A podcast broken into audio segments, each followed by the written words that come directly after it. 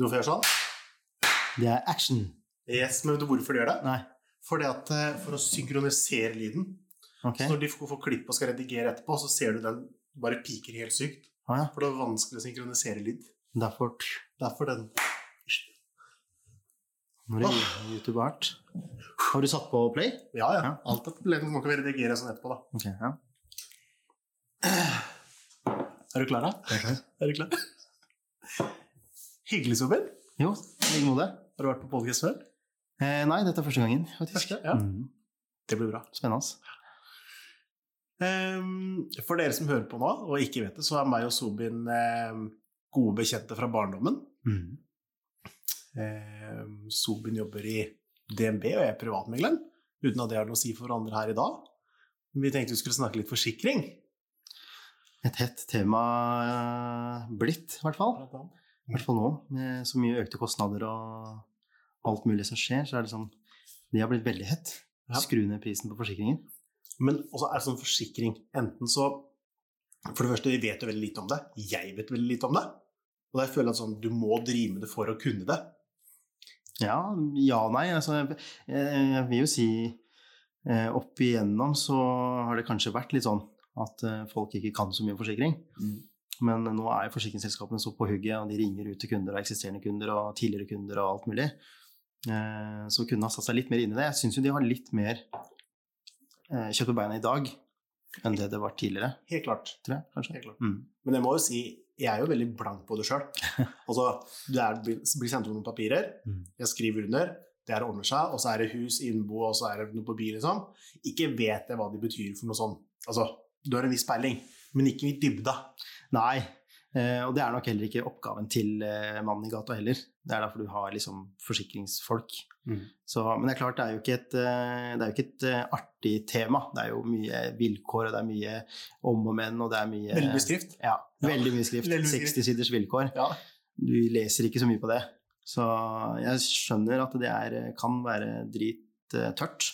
ja. Ikke noe du gidder å sette deg så mye inn i. Og så er forsikring kanskje sånn, du, det er ingen som går og skryter av forsikring. Den, du, du har forsikring, Ja. og den gangen du bruker det, så blir du forbanna. Ja. Det er Det sånn. er, det er litt sånn Det er noe du må ha.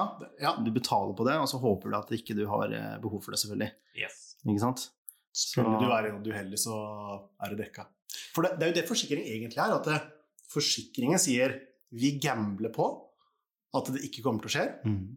og så gambler du motsatt vei og Mm. håper at det ikke skjer. Mm. Og så tar de bare Altså det er, bare, det er jo bare enkelt på matte, Ja, egentlig. det er, det er jo det det er. Eh, men det er klart eh, Skulle én av tusen gå under, så går det ikke utover den ene. Det er Nei. liksom one for all og en eh, Helt riktig. Ja. Eh, men selvfølgelig, eh, hvis det skjer noe, Mm. så bør du ha det på plass. Hva er det liksom største Og det er et vanskelig tema, det er vanskelig å begynne et eller annet sted, for det er så mye. Mm. Men hva er den største feilen folk gjør når de kommer til forsikring? Eh, det er veldig mye forskjellig, egentlig, eh, syns jeg. Men, Akeforsikring? Hæ? Nei, altså, det er jo i hvert fall kritisk. Altså eh, helse, da, men det er jo et annet eh, felt igjen. Men eh, det å ikke tegne helseforsikringer, f.eks., og så kommer du og skal ha det når det er for seint, Mm. det har vi møtt altfor mye av. Mm. Folk som ikke har valgt å betale 50 kroner ekstra i måneden for en topp utgave av forsikring, som dekker vesentlig mer. Eh, og så har de hatt en helt ordinær utgave, og så har de ikke fått dekket det som skjer. Mm. Eh, eller satt seg inn i f.eks. hva en reiseforsikring dekker og ikke. Jeg reiser ikke så mye, så jeg trenger ikke reiseforsikring. Mm. Og så drar du på butikken, og så blir du frastjålet et eller annet, så har kunder hatt det dekka. Ja. Litt sånn, sånn småting, ja, eh, men hele veien. Og det kan jo fort bli veldig mye. helt klart. Men hvis vi tar eh, Hva er liksom de vanligste forsikringene man tegner sånn for den vanlige mannen i gata? Mm. Nå skal Dorry gå og tegne forsikring. Hva er det jeg trenger? Jeg har hus, jeg har bil, Mm. eh, jeg har en jobb. Mm. Jeg også sier at jeg ikke reiser mye. Eh, og så var du inne på det med helseforsikring. Mm. Og så er det sikkert et hav å velge av. Altså, først og fremst, vi, vi forsikrer jo eh, Jeg husker ikke prosentvis hva det er, men jeg tror det er sånn 60-70% av oss forsikrer bikkja, men ikke ungen sin, liksom. Ikke sant? Ja. Den er ganske heftig. ja. Eh, vi forsikrer eh, bilen med full kasko og huset, toppforsikring her og der, men forsikrer ikke sjøl. Mm. Ikke sant? Men eh, altså, de vanligste forsikringene Altså, bil må du ha forsikring på. Ja. Eh, Det er et krav. Hvis ikke så får du dagsbøter per dag du ikke har forsikring. Så det kan bli sinnssykt dyrt. Mm. Eh, bolig Hva, hva skjer hvis jeg stopper bilen? Hva skjer hvis jeg da kjører uten forsikring, og så finner de ut at hei, du har ikke hatt forsikring på 300 dager, mm, men så tegner du det dagen etterpå. mm. Må du da betale for de 300 dagene som har vært? Eh, Ikke forsikring, Nei. men du må, tegne, du må betale dagsbøtene. Og det er jo direkte gjennom Vegvesenet. Ja, så, så hvis jeg blir tatt nå, da, Mm. i, i dag, og så må jeg betale dagsbøter fra i morgen Du betaler dags, dagsbøter fra den dagen du ikke har aktiv forsikring. Ja. Eh, for da er det Vegvesenet som ordner det. Mm. Så får du sånn 150 kroner dagen. Så du må jo betale de 300 dagene. 150 kroner ganger 300 dager. ja. Men, men hvis, men hvis jeg ikke Hvis jeg liksom tenkte at jeg hadde forsikring, og så hadde jeg ikke hatt det likevel, men jeg kjørte bilen, mm. og så har den ikke blitt avskiltet, jeg har ikke levert skiltene eller noen ting Kanskje det henger litt sammen, da, at skilter ikke er levert og forsikring? Ja, ofte så er det jo det. Altså Enten at du ikke har betalt forsikringa di, så uh, selskapet har sagt opp forsikringa, Mm. uh, men du kan jo fortsatt kjøre bilen, for det- skiltene er jo fortsatt på. Ja. Men det er bare at du ikke har en aktiv forsikring, men fra den dagen så får du fakturert en dagsbot, da, som det heter. Men du kan jo eh, tegne forsikringen Mm. i morgen, eller i dag hvis du vil det, Mm. på nytt igjen. Eh, må finne ut av hvorfor den blei sagt opp, da, selvfølgelig. Men eh, ja. Selvfølgelig. Hva annet man skal tenke på, på Nå er vi inne på bil, da. Mm. Og på bil er det veldig enkelt. Du Mm. har ansvar, Ansvar, ja. og så har du Delkasko. delkasko, Mm. så har du kasko. Og så har du en toppkasko. Så har du toppkasko. Nei, jeg kommer hvem hvilket selskap du snakker med. Det heter pluss, super, topp, ekstra, maks. Yes, og det var litt, for det var her vi snakka sammen for noen måneder siden. Mm. Så kommer du med de der uttrykkene som du sa nå. Ta det en gang til. Pluss. Og det kommer an på hvilket selskap du snakker med. Ja. Eh, noen kaller det pluss, noen kaller det super, noen kaller det topp, Mm. noen kaller det maks, noen kaller det ekstra, noen kaller det premium. Eh, det er bare forskjellig betegnelse. Men det er som regel den topputgaven av forsikringen. Ja. Så la oss si du har full kasko, da, som har dekka det meste. Så har du en toppkasko oppå det igjen. Typisk er hvis du har en bil, eh, så tegner du en kasko, Mm. vanlig full kasko. Så har du en utgave oppå det igjen Mm. som dekker ekstra. Altså f.eks. Eh, maskinskade, motor, drivverk, elektroniske komponenter, utvida leiebil, glasstak Ja. osv. Ikke sant? Ja. Høyere summer. Og sånn har du på altså om du velger en innbo, reise, hus, så har du liksom forskjellige utgaver. Standard topp. For jeg lærte noe for litt siden at kasko, det betyr karosseri Ja. på bilen. Mm. Stemmer det? Mm. Så da vi, og da ble jeg litt sånn wow, for det har jeg aldri tenkt på. Nei. At karosseri, kasko Jeg bare tenkte at kasko, jeg vet ikke hva det betyr. Jeg er sikkert en type fugl. Jeg vet ikke. Jeg har ikke peiling på hva betyr det nå. Det er bil, altså bilens karosseri. Ja. Eh, får du en skade på bilens karosseri, så har du det dekka på en kasko. Mm. Hvis noen kjører i deg, du kjører i andre, og bilen din, altså bilens karosseri, blir eh, ødelagt Mm. eller skada, så har du det dekka på din forsikring fordi du har kasko. Ikke sant? Har du delkasko, så har du ikke det. Da må du ut og fikse skaden selv. ja, for hva betyr delkasko da? Er det deler av, altså deler av karosseri? ja. Nei, da har du eh, Altså, du har det som heter full kasko, så det det som heter delkasko. Mm. Eh, for, for å begynne litt sånn, litt sånn fra båndlinje her. Ansvar, det er liksom bunnen i det her. Det Mm. må du ha. Det er det som dekker altså eventuelt tredjepart. Hvis du kjører på altså ansvarsdekning av, som du har for altså motsatt part. Mhm. Eh, Hvis jeg kjører på en dame, ja, og, og hun får personskader, for eksempel. så dekker det det. Det ansvaret du har overfor den personen siden du kjører bilen, Riktig. det har du dekka på en ansvarsforsikring. Så jeg er ferdig kjørt hvis bilen min ble ødelagt. Den har bare kjørt rett på dynga, Den har tapt. Ferdig. Yes. Fortsett å betale på det lånet. Gratulerer med dagen. Ikke sant? Men det som skjer med den andre personen, Mm. skader erstatning. Det har du dekka på en ansvarsdekning. Eh, så har du upgrader du til delkasko. Så da har du ansvar i bånn, og så legger du opp på en delkasko. Da har du sånn ekstra ting. Frontruta ryker, veihjelp, bilen stopper opp. Eh, altså tyveri, brann, hærverk. Litt sånne ting på bilen. Så har du det dekka. Så legger du oppå en kasko oppå der igjen. Men da kan det være hærverk på kasko. Altså Hvis du skjønner, hvis noen kommer og gjør hærverk på karosseri, da, Ja. så går det på delkasko. Ja. Da må du betale en egenandel. Mm. 6000 for eksempel. Ja. Eller så har du oppå delkasko så har du full kasko igjen. Da har du dekka alt det vi snakka om nå, i tillegg til bilens karosseri. Hvis du kjører inn i et gjerde, hvis noen kjører inn i deg og stikker av, eh, så kan du ta det på forsikringa di. Eh, og så får du alt dekka mot en egenandel. Skjønner. Men da er spørsmålet mitt Når man sier karosseri, for det er definisjonsspørsmål, altså det er karosseriet, men motor og det blir ikke dekka. Ikke på en kasko. Nei. Eh, da må du opp på en toppkasko. Ikke sant? Men selvfølgelig, la oss nå si på en kasko, da, Mm. så kjører du inn i et tre. Og der ryker motor nå. Altså motoren blir klemt og vraka, whatever, eh, så skal bilen din repareres. Så selvfølgelig har du det dekka òg. Men eh, det jeg snakker om, er hvis motoren ryker, altså en fabrikkfeil, altså et eller annet sånt noe, eh, og du ikke har garanti lenger på bilen, så kan du få dekka det på en toppkasko. Og så er det visse krav da, for å få det dekka. Du må ha fulgt bilens service eh, hvert år. Mm. Eh, du skal ha gjort egentlig det du skal for at ikke det skal skje, selvfølgelig. Eh, og så er det en regel på at eh, bilen kan ikke være eldre enn åtte år eller passert 200 000. Det er sånn generell bransjestandard. Så er det noen selskaper som er utover åtte år også.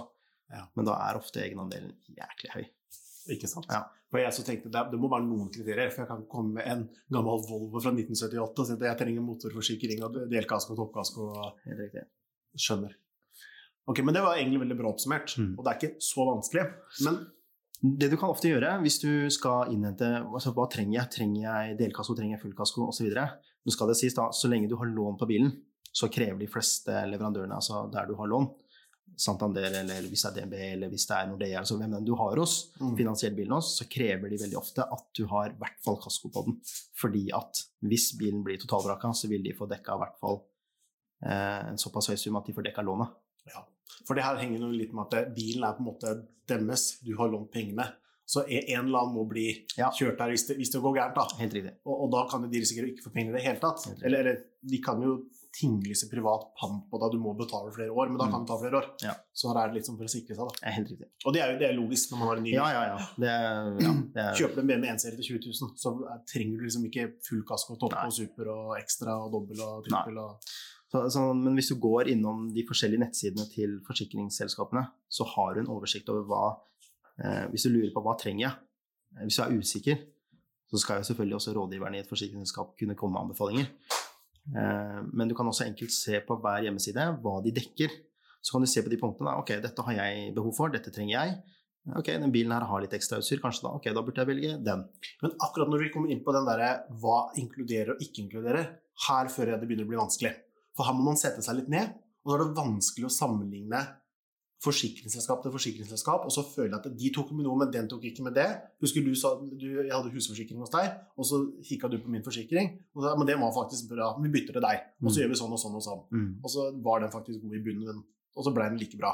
Jeg hadde jo ikke sett det, jeg hadde brukt lang tid, jeg måtte satt den i flere Ja. timer. Og det orker jeg jo ikke. Nei. Jeg har jo ikke tid til det. Det skal, det skal jo sies, de fleste har jo, eh, tar jo plukker mye til og fra hverandre. Eh, sånn dekninger som på en måte er must, da. Eh, og så vil det jo selvfølgelig alltid være noe differanse i dekning på, hos de forskjellige selskapene, men det er jo det som gjør at de er forskjellige selskaper òg. Ikke sant? Eh, men du må bare se hva som er best for deg, da. Men hva, største, hva kan liksom være den største fella å gå i her? Si jeg får to tilbud, og så er den ene veldig mye dyrere, men det er ikke logisk, eller den er litt dyrere. Og så, og føler jeg at det er noe feil i innholdet her. Skal det, skal det, er det en bransjestandard at det skal være ansvar, og that's it? Mm. At det er liksom en minimum, da. Ja. Og så kan de legge på litt mer, og så kan den være dyre. For det, egentlig så konkurrerer man Det blir litt sånn som bensin, da. De konkurrerer egentlig bare på pris, for det er samme produktet. Men er det det i forsikringa òg? Ja, oppimot eh, frem til du begynner liksom, altså, Sånn type ansvar og delkasko, mer eller mindre identisk. Mm. For det er sånn bare minimum. Ja. Ikke sant? Når du kommer, begynner å velge sånn kasko, hvor du begynner å få med masse ting, eh, så må du se hva forskjellen er. Noen har kanskje 14 dagers leiebil, mens her får du 30. Eh, her får du ikke leiebil, her får du leiebil. Mm. Altså litt sånne ting. Eh, men det du må se, er jo type liksom, hva har de satt i egenandel, hva har de satt i egenandel. Yes, og det er en kicker. Det er. Egenandel er veldig must. Der tror jeg mange får litt bakersveis når de kommer til oppgjøret. Og så sier verkstedet at ja, men dette fikser vi. Egenandelen din er 10 000 kroner. Mm. Og så er skaden på 15 Og så Ja. kunne du vært forsikret i det andre selskapet, så hadde egenandelen din vært 4 Ikke sant? Så det er en vesentlig forskjell. Så en må sette seg litt inn i det. Men, men jeg, tror ikke, jeg tror ikke man skal være så altfor opphengt i liksom eh, Her får du 15 dagers leiebil, her får du 14. Nei da, det, det, det, det, er ikke sant. Det er ikke der det Men, men, eh, men det du egentlig må gjøre, er å finne ut av hva har du behov for. Ja. Trenger jeg 14 dager, eller trenger jeg 30 dager? Ja. Holder det med 14, og jeg må betale 2000 kroner mindre, da tar du den, da. mm. Ikke sant? Men eh, koster det deg 2000 kroner mer, og du har behov for 30 dager, nå må du begynne å veie opp. Selvfølgelig. Ikke sant? Selvfølgelig. Men, men eh, oppimot, altså til spørsmålet ditt, eh, ansvar og delkasko og sånt noe har stort sett er identisk. Men det er liksom i det øyeblikket du begynner å velge kasko eller toppdekning og sånt noe, så har jeg selvfølgelig for selskapene eh, litt forskjellige dekninger. som de tilbyr. Noen tilbyr kanskje dekning av eh, nøkler, da, tap av nøkler, bilnøkler. Ikke sant? Noen gjør ikke det. Noen dekker kanskje glasstak på bilen. ikke sant? Sånn panoramatak eller det for noe. Andre gjør ikke det.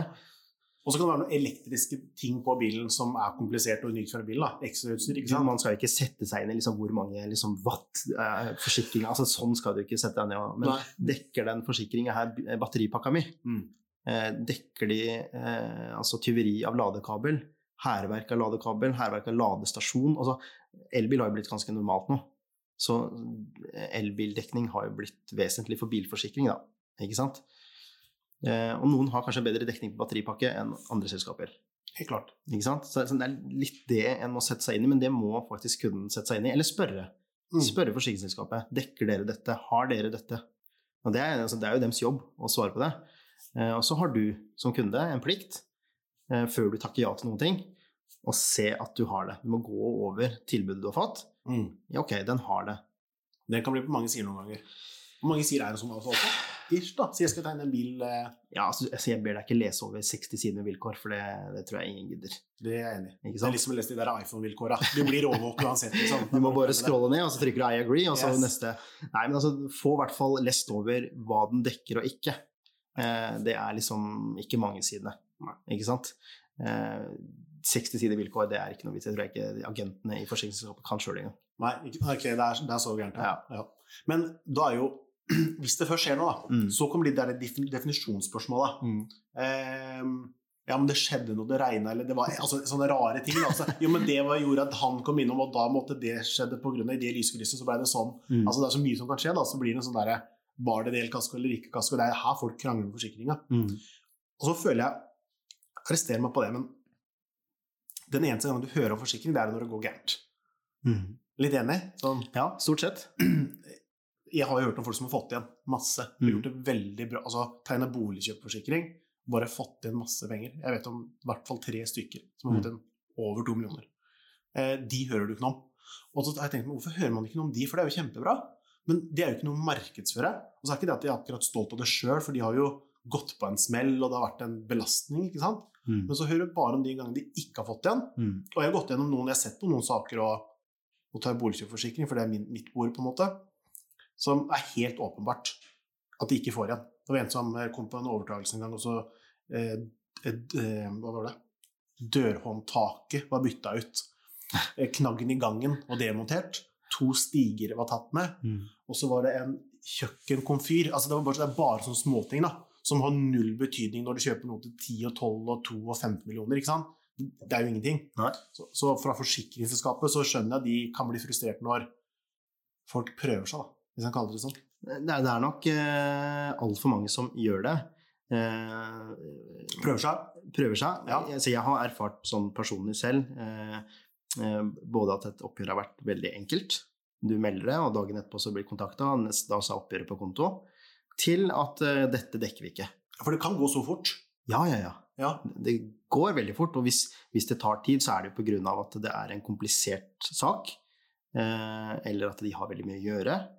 Eh, men stort sett så går det veldig fort. Du får, altså, du får en saksbehandler på saken relativt fort, og så får du en oppfølging.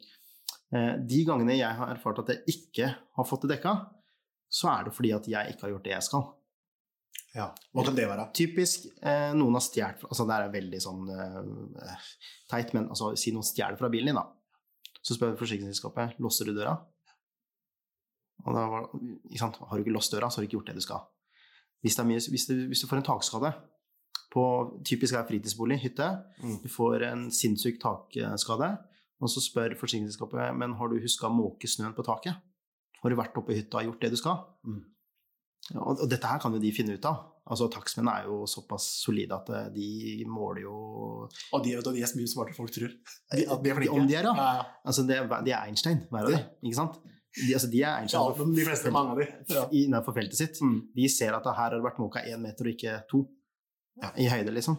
Så, så de, de, er, eh, de finner ut av dette. Så jeg opplever at de gangene du ikke får egentlig dekka det du tror du får dekka, er når du ikke har gjort mye av det du egentlig har krav på. kanskje litt sleip sjøl og ønsker litt mer av det en egentlig skal ha. Sånn typisk er sånn, du er på ferie, da, reiseforsikring, så legger du mobilen din på kaffebordet, og så går du på toalettet. Og så kommer du tilbake, så er telefonen din borte. Mm. Og så anmelder du det selvfølgelig, for telefonen er borte. Men forsikringsselskapet sier men du kan ikke etterlate telefonen din og gå på toalettet. Da får du det ikke dekka. Nei, for det er begrenset hvor mye F du egentlig kan gi, da. Egentlig. Ja.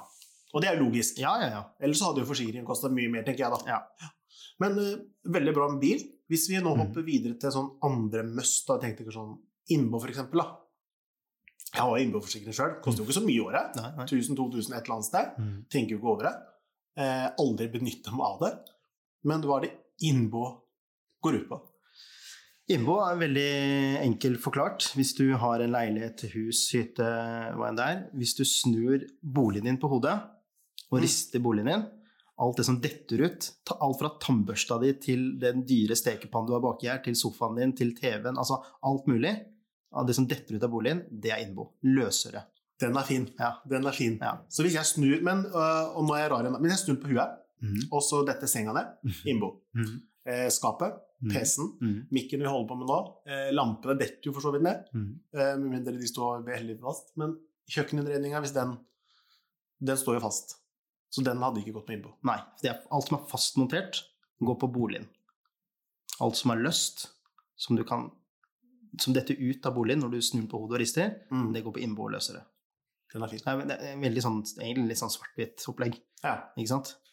Eh, og spørsmålet ofte er jo liksom folk eh, Hva har jeg? Hva koster dette? Altså, hva, du, du, du, hvis jeg spør deg nå, hva koster alt det du har her nå? Av utstyr og diverse ting. Du klarer jo ikke å si på stående fot hva dette koster. Ikke det hele tatt. Nei. Veldig enkelt triks er, som nå er blitt mer og mer benytta, det er egentlig bare å ta en runde med videokamera gjennom boligen. Filme alt du har. Ikke alt du har, men altså bare Ikke sant? At det er dokumenterbart. Ja. Fordi hvis boligen min brenner, og så ryker alt La oss nå si 500 000 forsvinner i, i den brannen. Eh, og så spør smører jeg på et par ting, da, sånn som er veldig mange har gjort opp igjennom. Eh, på ja når, når de sier fra hva hadde du i Ja, plutselig så har du ti ekstra Mac-er, og så hadde du en eh, 100 tommer, ikke 45 tommer, ikke sant, og litt sånne ting. Ja.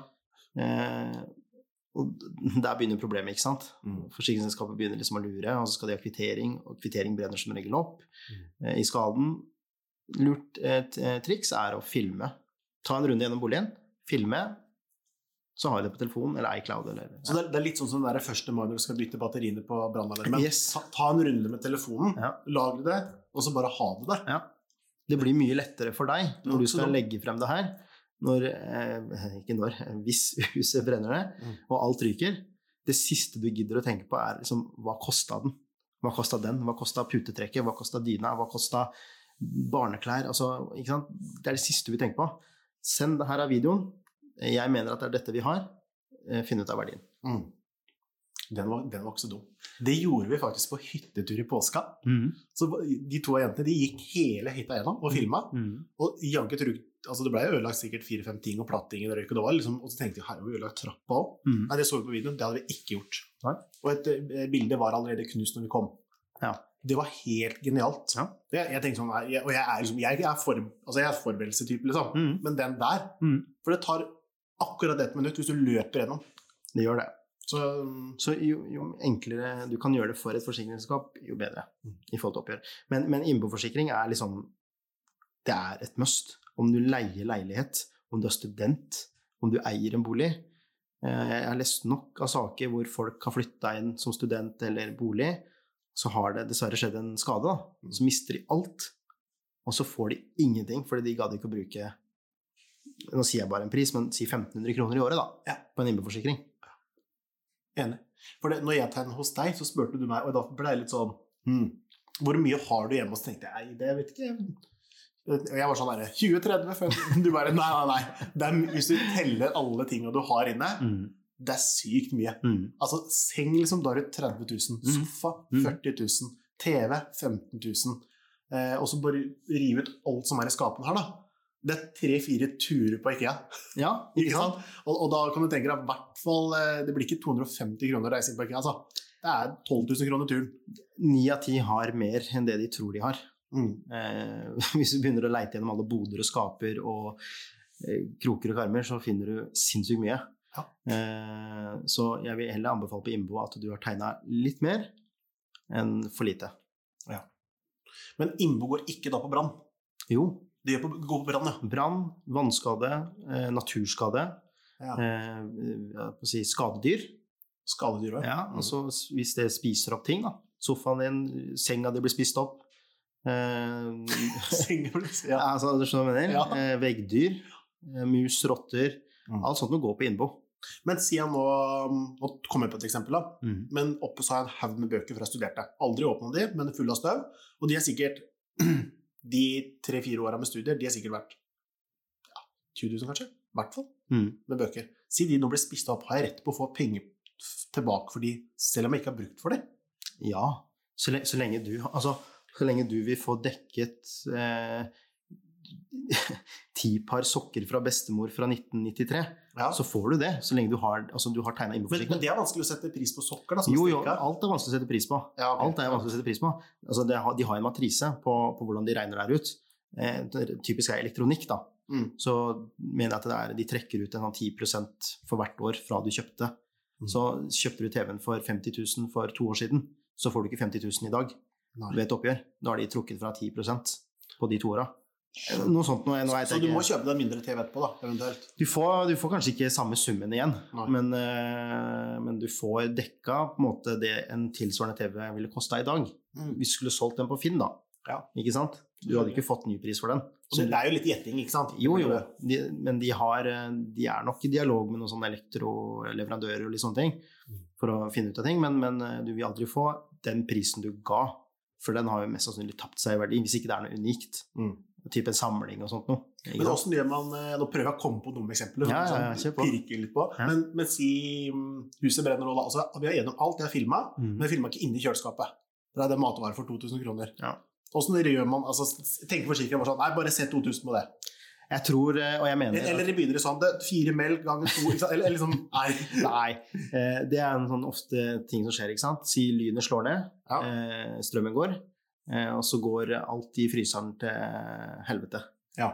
Da har du noe importert kjøtt til alt mulig, og der har du 15 000-20 000 kroner Mm. tapt.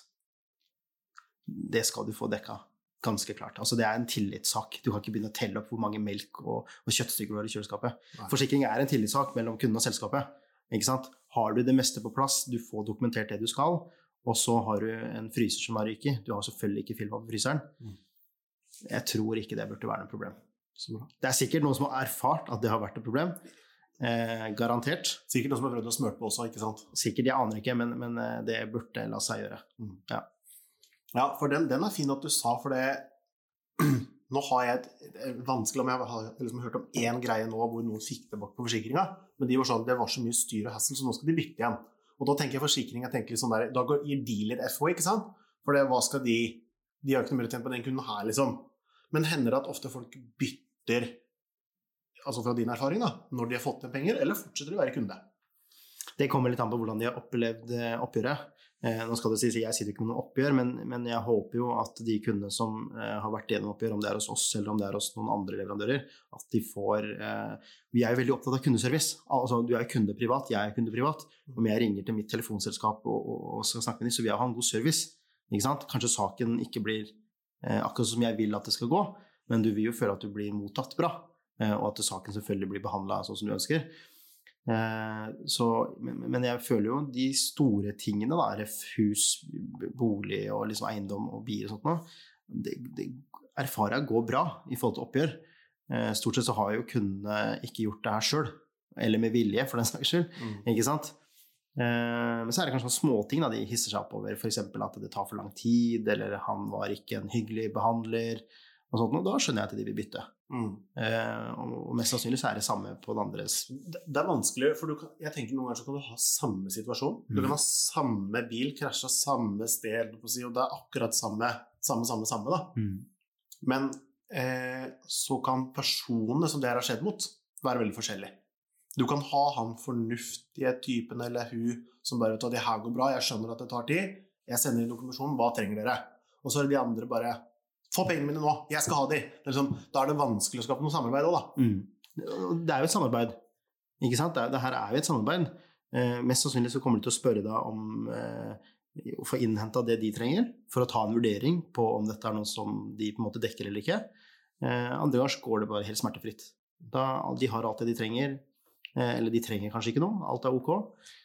Eh, men selvfølgelig det, Du har en side som heter bytt.no. Eh, der kan du gå inn og lese alle mulige tilbakemeldinger kundene legger igjen på de forskjellige selskapene. Den er veldig interessant. Oi, bytt og denne der har vi ikke visst om. Nei, den anbefaler jeg alle å gå inn og så sjekke. Hvis du er usikker på skal jeg gå for det tilbudet eller det tilbudet, gå på bytt.no, les opp hva andre kunder sier. Okay. Ikke sant? Mm. Eh, Da ser du veldig mye tilbakemeldinger. Er det alle forsikringsselskap i Norge, liksom? Ja, jeg mener de fleste er der, Ja. eh, egentlig. Eh, Og da kan du se litt da, hva andre kunder har opplevd og erfart. Men så er det jo på en annen side Det du opplever som bra, er ikke sikkert jeg hadde opplevd som bra, og motsatt. Ikke sant? Absolutt. Så det er jo litt sånn forskjellig. Eh, Jeg hører jo hele tida at å, dere er så sinnssykt eh, flinke på oppgjør. Og så snakker jeg med naboen, og han er ikke så fornøyd. Ikke sant? Så Men hvor stor til kundetilfredshet For mange bransjer regner som KTI, hvor, hvor liksom fornøyde kundene er. da. Og så, Det er jo vanskelig det, altså, du, du begynner jo allerede nedover med å drive forsikring. Det, det, det gjør man jo. Men, eh, men har du noe sånt tall på hvor mange som Hva, hva er bra i bransjen? da? Er liksom 50 bra? Er 60% 40 ja, den er vanskelig. Eh, det veit jeg faktisk ikke. Men jeg, jeg håper jo at de burde jo ligge på skadeoppgjør spesielt, da, hvis det er det vi ser på. Så håper jeg jo den ligger eh, godt over 60-70 Det er ikke så dårlig, det. Nei, I hvert fall annenhver kunde bør jo være happy med skadeoppgjøret. Ja. Tenker jeg. Eh, si en 70 da. Mm. Bør i hvert fall være happy.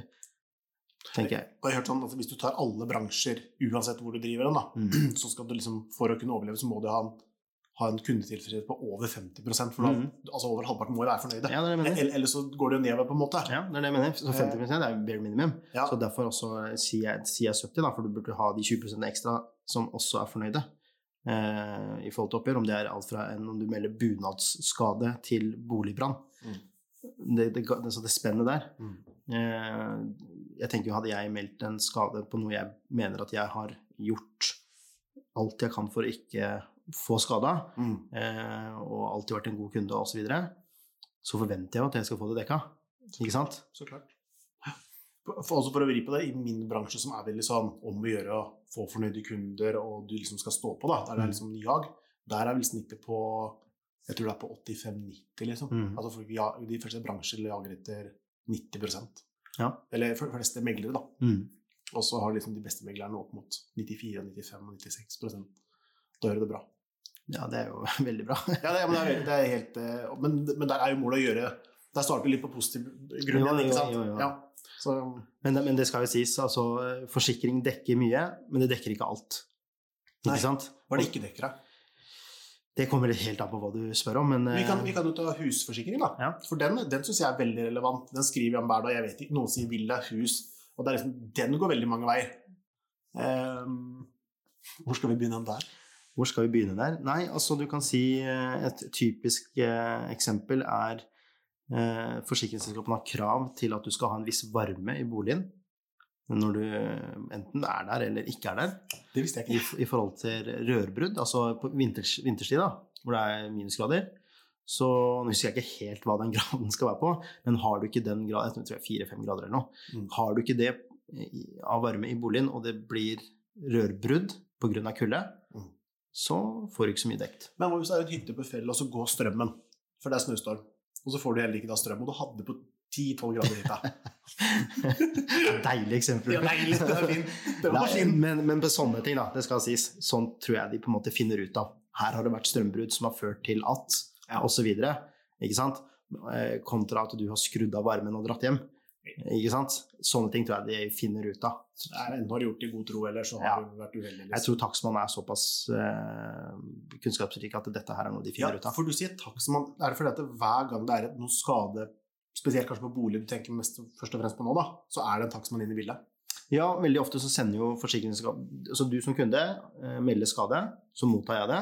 Mhm. Og så sender jeg det videre til en, enten en sånn takstmann eller en, altså en snekker, tømrer, elektriker, rørlegger, hva enn det er. Mm. Som, er, som er fagmann på det, med, på det området der, da. Ja, de jobber da med å gå ut på befaring og sjekke hva som har skjedd der, finne ut av osv. Og, og så sender de en rapport tilbake til forsikringsselskapet. Sånn og sånn har skjedd, dette og dette har skjedd. Eh, så tar jo da forsikringsselskapet en vurdering på ok, så her er alt gjort, her er kunden helt innafor, dette dekker vi. Og så kontakter de deg igjen, og så ordner det seg. Men er det, er det fagfolk som, er, som da samarbeider med dere, eller, er Nei, nei, nei, nei. eller kan kunden velge sjøl hvem du vil hente inn?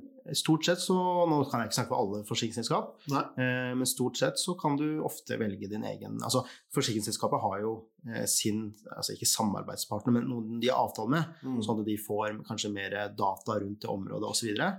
Men stort sett så kan du også velge takstmann hvis du kjenner til noen sjøl, eller hvis du, hvis du veit om et selskap som driver med det her. Mm. Eh, For den rapporten er jo nøytral uansett. Ja, og, og bare sånn, sånn er det i min bransje nå. Når det er takstmann, jeg bruker liksom de to-tre samme takstmennene. Eh, og det har jo noe med samarbeid og det jeg kan snakke med dem og si at nå må du kjappe, da. På mandag så må den være klar. Mm. Men de skal selvfølgelig være uavhengige. Ja. Og kunden kan jo si jeg vil ha en annen takstmann. Kjør på. Ja. Og ofte, det skjer jo ofte at rapporten kommer inn fra én takstmann, da, Mm. som vi har for, selskapet har sendt ut. Eh, og så er kunden uenig. Så skaffer han en ny en sjøl. Hvis denne er dårligere. Da, Da kan vi beholde deres. da beholder vi vår. Ja.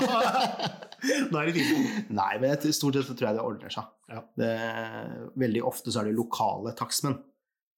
Ikke sant? Skjer det en skade i Porsgrunn, så ringer ikke jeg fra Oslo som kommer hit. Da bruker en eller annen sant, i, i Porsgrunn. Hvem tar den regninga? Eh, det er forsikringsselskapet. Det gjør det, ja. Mm. Ok. Det er bra, da. Det er ikke noe kunden skal tenke på å melde skade. Det visste jeg ikke. Nei. Det er mye jeg ikke vet. Ja, er- men det, men det, det er som sånne ting man ikke skal tenke egentlig på. Det er sånne ting skal gå smertefritt.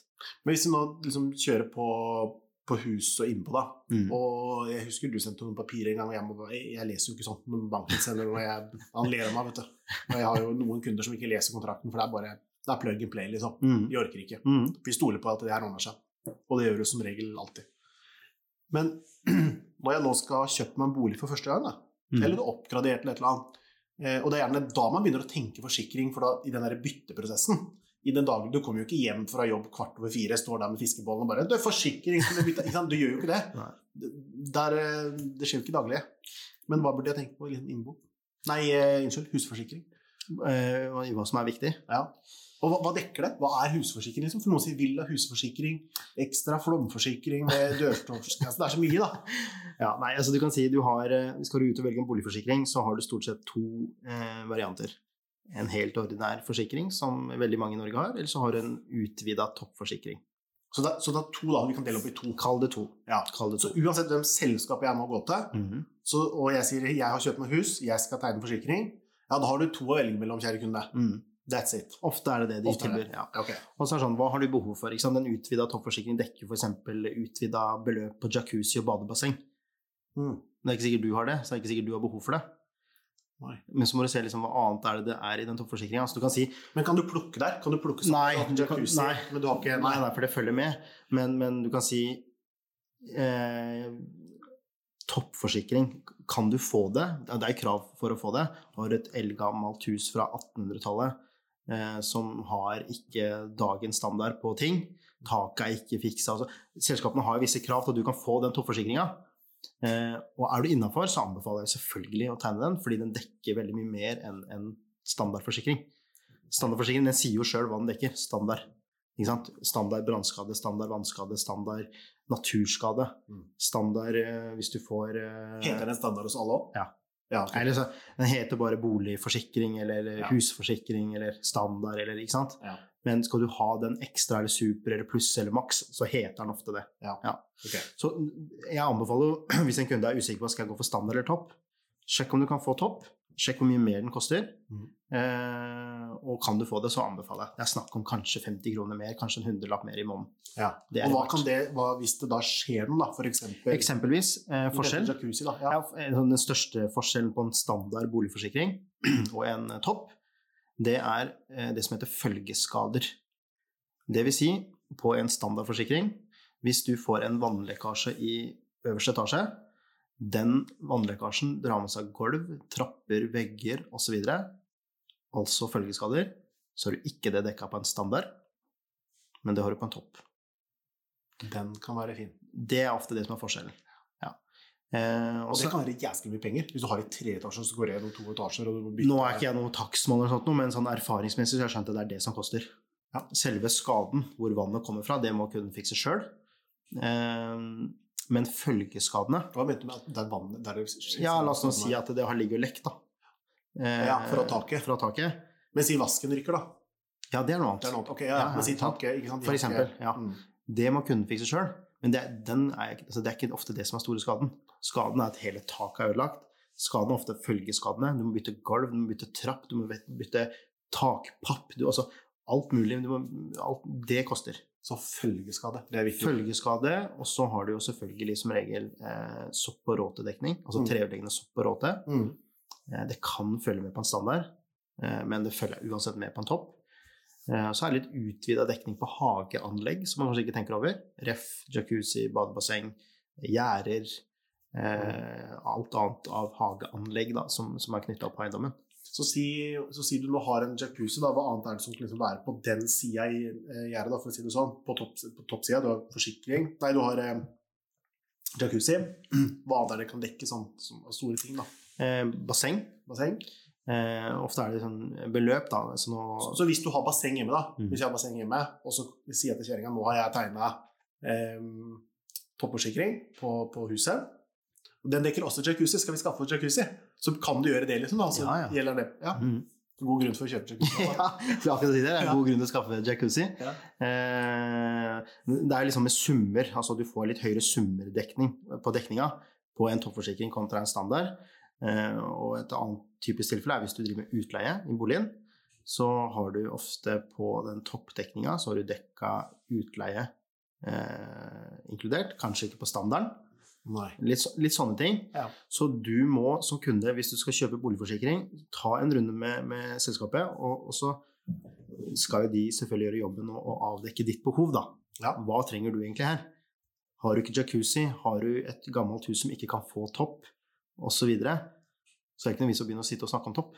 Nei, Nei det, det er jeg helt enig. Hvis ikke kunden har lyst til å gjøre diverse utbedringer som gjør at han kan få topp, da. Men, men la oss nå si du kan bare egentlig få standard. Hva, hva har jeg her nå? Har ikke jeg standard eh, hus 1972?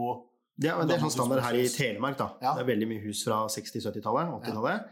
Eh, har du ikke gjort noe med si, taket, eller har ikke det gjort, noe? det- så kan man ikke få eh, den og den dekninga.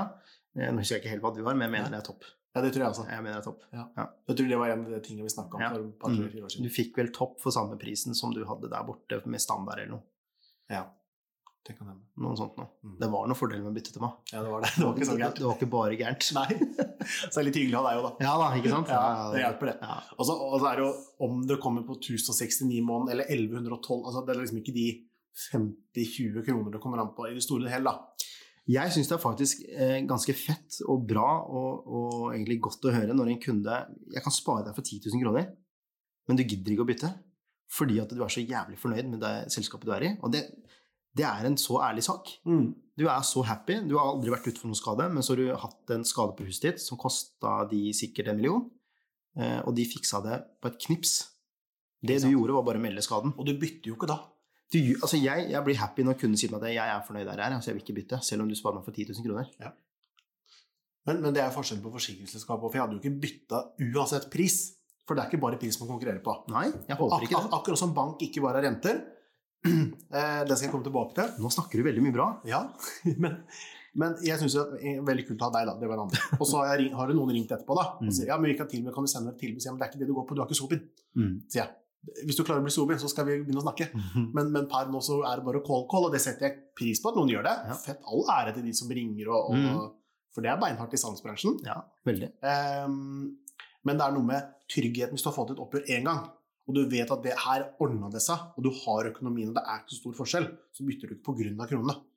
Al- Altså Er du 300 000 i forskjell, da, driver, da skjønner jeg at det kan være liksom noen varianter. Selvfølgelig. Men når skaden først skjer, så kan det hende at det er mye mer hassle. Ja, for fall, altså det, det vet man ikke. Så selv om du blir i det selskapet, eh, så er det ikke noen garanti for at de dekker neste skade, hvor enn det er.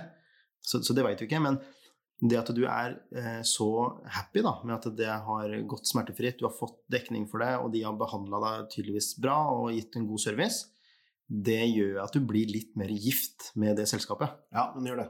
En, en gjør det. Og det skjønner jeg veldig, veldig godt. Og så er det jo er det noen sånn ugler i mosen i den forsikringsbransjen noen ganger? For det er noen som starter opp og, og har et litt sånn nytt, kult navn, og det er noen setter og dobbeltver i det navnet, ikke sant? og høres litt fancy ut. Og nå skal vi starte, for her er det penger å hente. Ja. Og så skal de liksom prøve å utkonkurrere If og Storebrand, DNB og Nordea. Ikke sant? Så klarer de jo ikke det, for det, det er ikke bare pris det går på.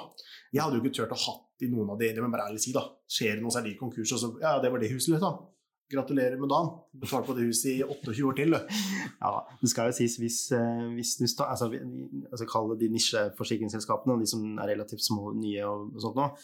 Hvis det går så dårlig at de må altså, i gåstegn eh, melde konkurs, så går de veldig ofte ikke konkurs. Da er det som regel et eller annet annet selskap som kommer inn og kjøper de opp. Det har jeg opplevd. Eh, Det er liksom det som er vanlig, ikke sant. Det er ikke så lenge siden nå f.eks. en av de store aktørene kjøpte en litt mindre aktør som har vært egentlig ganske lenge. De har prøvd og prøvd og prøvd, Eh, og så tok de over. Så når jeg snakket med da de kundene, «Eh, hvor er du forsikra i dag, da? Mm. Nei, jeg er i selskap X. Mm. Eh, Så sier jeg ja, ja, riktig, så da er du egentlig i selskap Y, Mm. som har kjøpt jobb. Å ja, er det det der? Yes. Ikke sant? Men, Så- men det er litt samme greie som at eh, i bil, og det visste jo ikke jeg heller før nylig, på at, at Volkswagen er jo alt. Jeg tror det. De er jo Audi, og det er Ja, det og det, ja. nedover. Ikke sant? De er jo nesten alle brandsa. Mm. Så til slutt, så uansett hvem bil du kjøper, så havner det i enten to, tre, fire selskaper. Helt riktig. Så Jeg tror vel ikke når Jeg jobba i et selskap uh, back in the days som het Vardia Forsikring. uh, og skulle være en sånn aktør som var veldig sånn fremadstormende og, og hadde lave priser osv. osv. Eh, Clouet var jo her at skadeomfanget, da, altså regninga på skadeoppgjør, blei dyrere enn hva de fikk inn. Så de var uheldige. ja, de tok ikke inn eh, Altså, det er jo en sånn greie når du jobber som forsikringsselger, at eh, man spør ofte hvor mange skader Altså, før du flytter til meg, da, Mm. så, så spør man altså, Det er sånn Du vil jo ha det de kaller for gode kunder. Altså, ikke, ikke misforstå, men altså, det vil si kunder som ikke melder ti skader i løpet av året. Ikke sant? Klart. Eh, hos Vardia så hadde vi en sånn ordning at du, du skulle spørre kunden hvor mange skader har du meldt de siste tre årene. Eh, spørsmålet er bare hvor mange som er flinke til å faktisk spørre. Ikke sant? At vi kanskje tok inn feil kunder, litt for store oppgjør, regningen ble for stor, og du fikk ikke nok Mm. som dekte det her. Det som skjedde, var jo at eh, selskapet si, Gåstein gikk eh, konkurs, blei kjøpt opp eh, av en annen leverandør, og solgte da produktet videre for de. Ja. Så kundene ble egentlig bare flytta videre, ikke sant. De merka ikke noe til det sånn sett. Nei, men det de merka til, var jo når de blei tatt inn i det nye selskapet, så får de jo da mest sannsynlig en litt annen pris. Ikke sant? Ja. Ting forandrer seg. Ja. Mm. Logisk nok. Jeg hørte om en, en sak, og det, det, da fikk jeg litt sånn annet syn på forsikring. For det, det var et bygg som brant, om det var i London eller Newcastle Det var et eller annet sånn borti England. Mm. Og, de, og de hadde putta så mye i det, da, for de tjente mye penger på det hvert år. ikke sant? Og til Mm. slutt så brant det her, da. Og da gikk hele selskapet dukken. Ja. På grunn av den ene brannen i den Det er litt som å forsikre eh, Sears Tower i Chicago, eller? Det, det blir litt sånn, Ja, da. ja. At det liksom tar og forsikrer eh, Det er sikkert noe som har SAS-hotell i Oslo, ikke sant? ja da. Og det er sikkert ett selskap bare. Ja. Ferdig. Mm. Brenner det, da. Så spørsmålet ryker det selskapet, eller klarer de å For du skal ha litt penger på bok for å Du bare skal, du skal, det er en sånn eh, Hva heter det? Egenkapitalkrav. Sånn at du må ha nok penger stående, eller ha det klart, før du kan på en måte vokse så og så mye. Men du kan jo skikkelig uflaks. Fem av de største byggene du Det forsikrer. var et av det tilfellene som skjedde når vi snakka om eh, det der jeg jobba tidligere. Der tror jeg det kom inn en skade på et bygg som de kanskje ikke burde ha forsikra, f.eks. Men så måtte de ta regninga sjøl. Så da får du ikke den optimale starten. Men, men stort sett, da, sånn type SAS-bygg eh, og sånne store ting Her er det forsikringsmeglere som går inn, ikke sant? Eh, som, som setter opp tilbud. De ringer jo ikke, de ringer jo ikke kundesenter og sier ja, jeg skal forsikre et bygg på 17 000 kvadrat med 19 etasjer. Nei. Det er ikke sånn det funker. Eh, og de er som regel i kontakt med aktører som på en måte har råd til dette her. Er det mange av de i Norge? Eller Norden? Må de bruke noen i Norge, for å si det sånn? da? Ja, jeg tror det er nok. Det er nok. Eh, både store, altså du har jo de store, ikke sant. Altså Gjensidig bedrift og If-bedrift og, og Trygg bedrift og Fremtind bedrift. Altså du har jo mange store aktører. Ja. Eh, Ja, de er etablerte. de er nok veldig godt etablerte. Eh, Så har du sikkert noen sånn fremadstormende selskap som, som sikkert tilbyr veldig mye lavere og sånt noe. Det er spørsmålet tør du, da. Ja, Hadde jeg hatt et bygg, så jeg, skal ikke, for jeg har ikke bygd det på 17 000 kvadrat, men da sitter du der og da men jeg, føler jo det, da, at man har kommet så langt at kundene faktisk ikke lenger er kun opptatt av pris. Og det syns jeg er veldig, veldig bra. De er opptatt av at ok det, For, jeg synes, for min del så har det noe å si. For det er forskjell på pris ut av kartet Helt riktig. og, og, og komme en fornuftig pris til en vanlig kvalitet. Ja. ikke sant? Ja.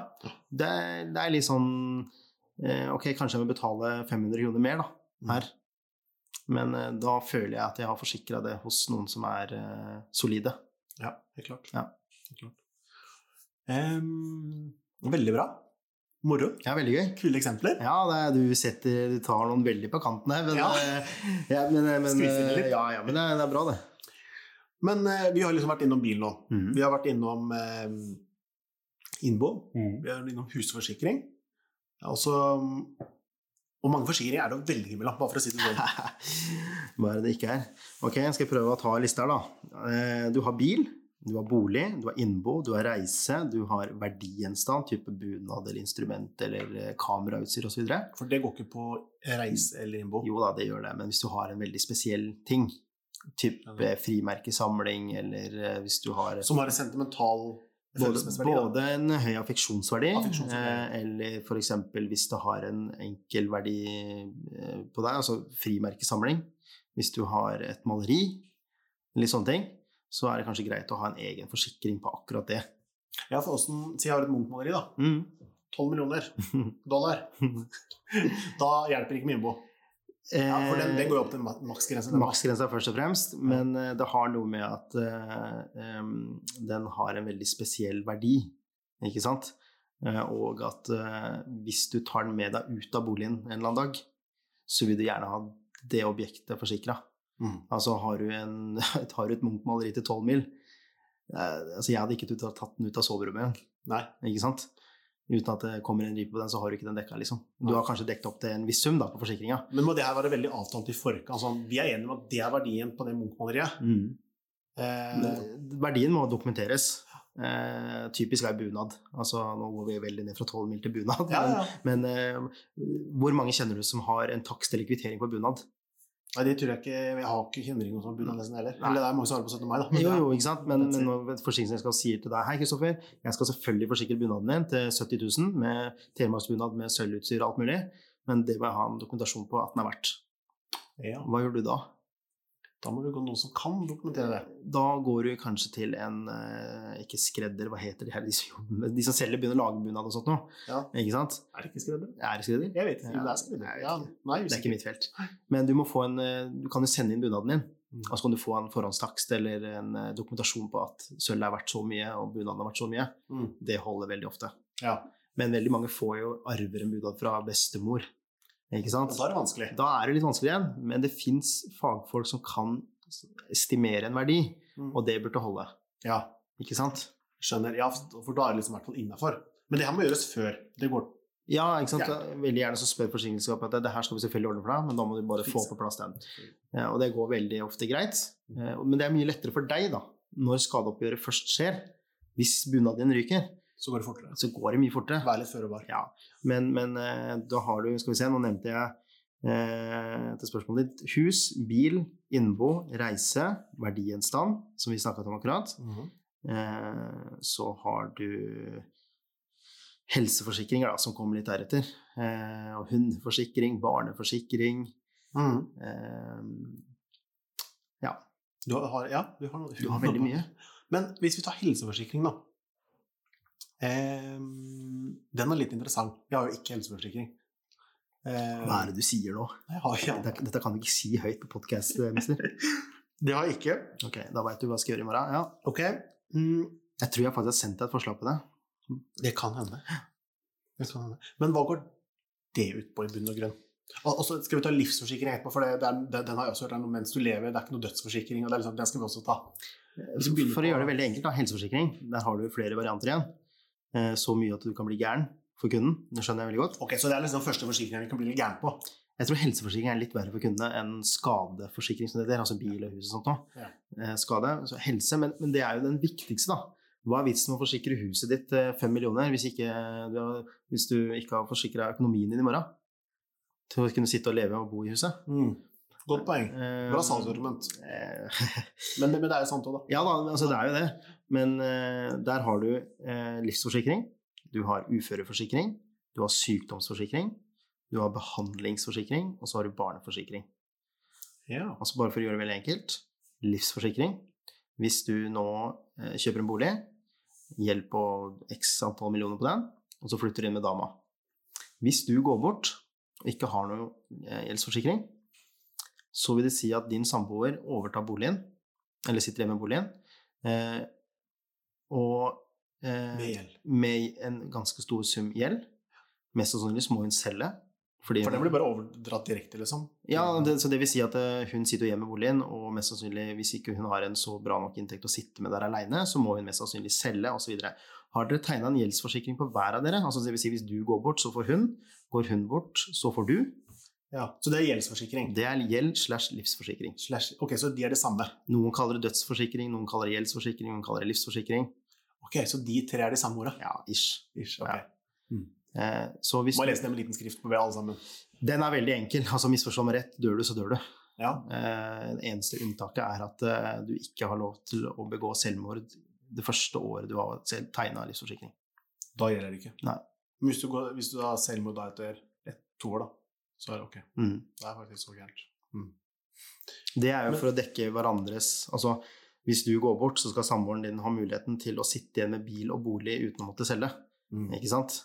Det siste du mest sannsynlig har lyst til å tenke på, er å begynne å selge bolig for å kjøpe den i en, et, et, et scenario hvor en Det er belastning nok da, at den andre går Ikke bort. sant? Ja. Ja. Det er gjeldsforsikring. Da kan du også begunstige datter, samboer, foreldre. Altså begunstige betyr at du setter eh, navn på hvem som skal få pengene hvis du går bort.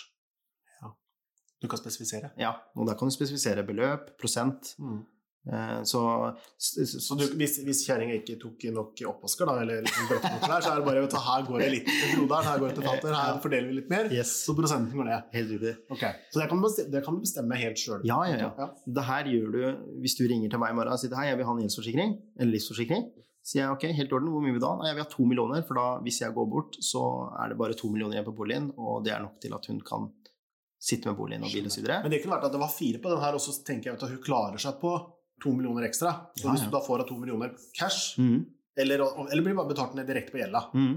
så Det velger hun. Det velger hun. Ja. Ja. Ok. Og da klarer du i hvert fall å sitte i det.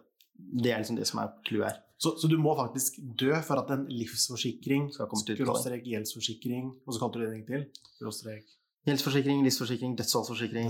Ja. Okay. Mm. Så det må faktisk én gå bort. Der må én gå bort. Gjelder det kun mellom to stykker, eller kan det være Altså er det bare mellom eh, et par, da. Nei, nei. Nei. Altså typisk Kan jeg tegne det Du kan tegne på meg, Jeg kan tegne på deg? Ja. ja. ikke sant? Det er, kan gjøre akkurat det du vil. Åssen fungerer det, da? Si jeg tegner på deg nå. Mm. Hei, Soben, jeg skal tegne li- livsforsikring. da. Ja, jeg skal tegne, jeg skal tegne på deg, ja. Så hvis jeg går bort, mm. så kan jeg si at da skal du få to mil, eller sitte bra i det når jeg dør. Mhm. Men det må vel være noen aldersbegrensning her? Ja, det er det. Eh, Det er litt forskjellig, tror jeg, fra selskap til selskap. Men jeg tror den sånn i snitt Den går ned 10% hvert år. Den, altså Si du setter to millioner, Mm. så går den summen ned 10% Altså to millioner, 10% hvert år. Sånn snittalder fra du blir 67 år. Fra du blir 67? Ok. Og så blir forsikringa dyrere for hvert år. Ja. Da The tables have turned. Yes. Skikkelig. Ok. Så forsikringa går opp i pris, mens to millioner synker med 10 Ja. hvert år. Hvert år, Ja. Så da, da er du egentlig ferdig Da kommer det an på hvor forsikre du forsikrer. For du forsikrer for 100 millioner, da. For eksempel. Men da må du betale veldig mye òg, da. Men, men til slutt så kommer jo én til å stryke bort her. Altså, Altså, det- du rusler jo ja, det her er jo sånn uh, vurderingssak, da. Men, men uh, ta mine foreldre som et eksempel, som er nå godt uh, over 60 år. Eh, de har valgt nå å ikke lenger ha livsforsikring, fordi det kosta de så mye per måned. Hvor mye snakker vi om da? Da snakker vi at de betalte ish eh, 3000 per pers. Per pers? Det var 6000 i måneden. Ja. Men det er på grunn av altså, altså Ikke misforstå meg hvis det er noen eh, godt voksne lyttere her, men eh, de var som godt voksne. Altså, de, eller de er godt voksne. ja, men det er logisk. Ikke sant? Det et spedbarn, ikke sant? Ja. Risikoen for at et eller annet skjer, er såpass høy, at, eller mener forsikringsselskapene, at uh, da koster det deretter òg. Forsikring er jo risiko. Ja. Ikke sant? Så de fant ut at de har ikke så mye igjen av gjeld på boligen at de uh, ser ikke noen grunn til å sitte og betale 6000. Det som eventuelt er igjen av lån på den, det skal vedkommende klare å betjene hvis noe skjer. Yes. Så de, at de har vurdert de er i havn, liksom. De ja, det, dette har de vurdert, at det er ok. Ikke sant? Men der vi anbefaler at dere i hvert fall bør, er jo hvis du og din samboer nå går ut og kjøper en ny bolig, eh, eller ikke sant, ikke sant? at man tegner at kjøper for fire millioner, ok, så kan du få fire millioner hvis du vil det. Mm. Men da koster den jo litt deretter òg. Så en sånn gunstig greie er jo ok, to millioner, da. Ja, for du trenger ikke å være hele Nei, kjøpesummen. nei, nei. Du velger jo selv om du vil ha en krone eller om du vil ha fire millioner, Ja, ikke sant? Ja. Så si en halv million, da. Så kan du i hvert fall betale litt, da. Så går det gærent, så kan du i hvert fall du har en halv million, og så kan du i hvert fall tære på den boligsalget ditt i land etter Mm. dødsfallet. da. For eksempel. Så du slipper å selge dag to. Ja. Mm. Det er livsforsikring. Ja. Så har du uføre. Det er hvis du Jeg skal prøve å forklare deg på en så delikat måte som mulig.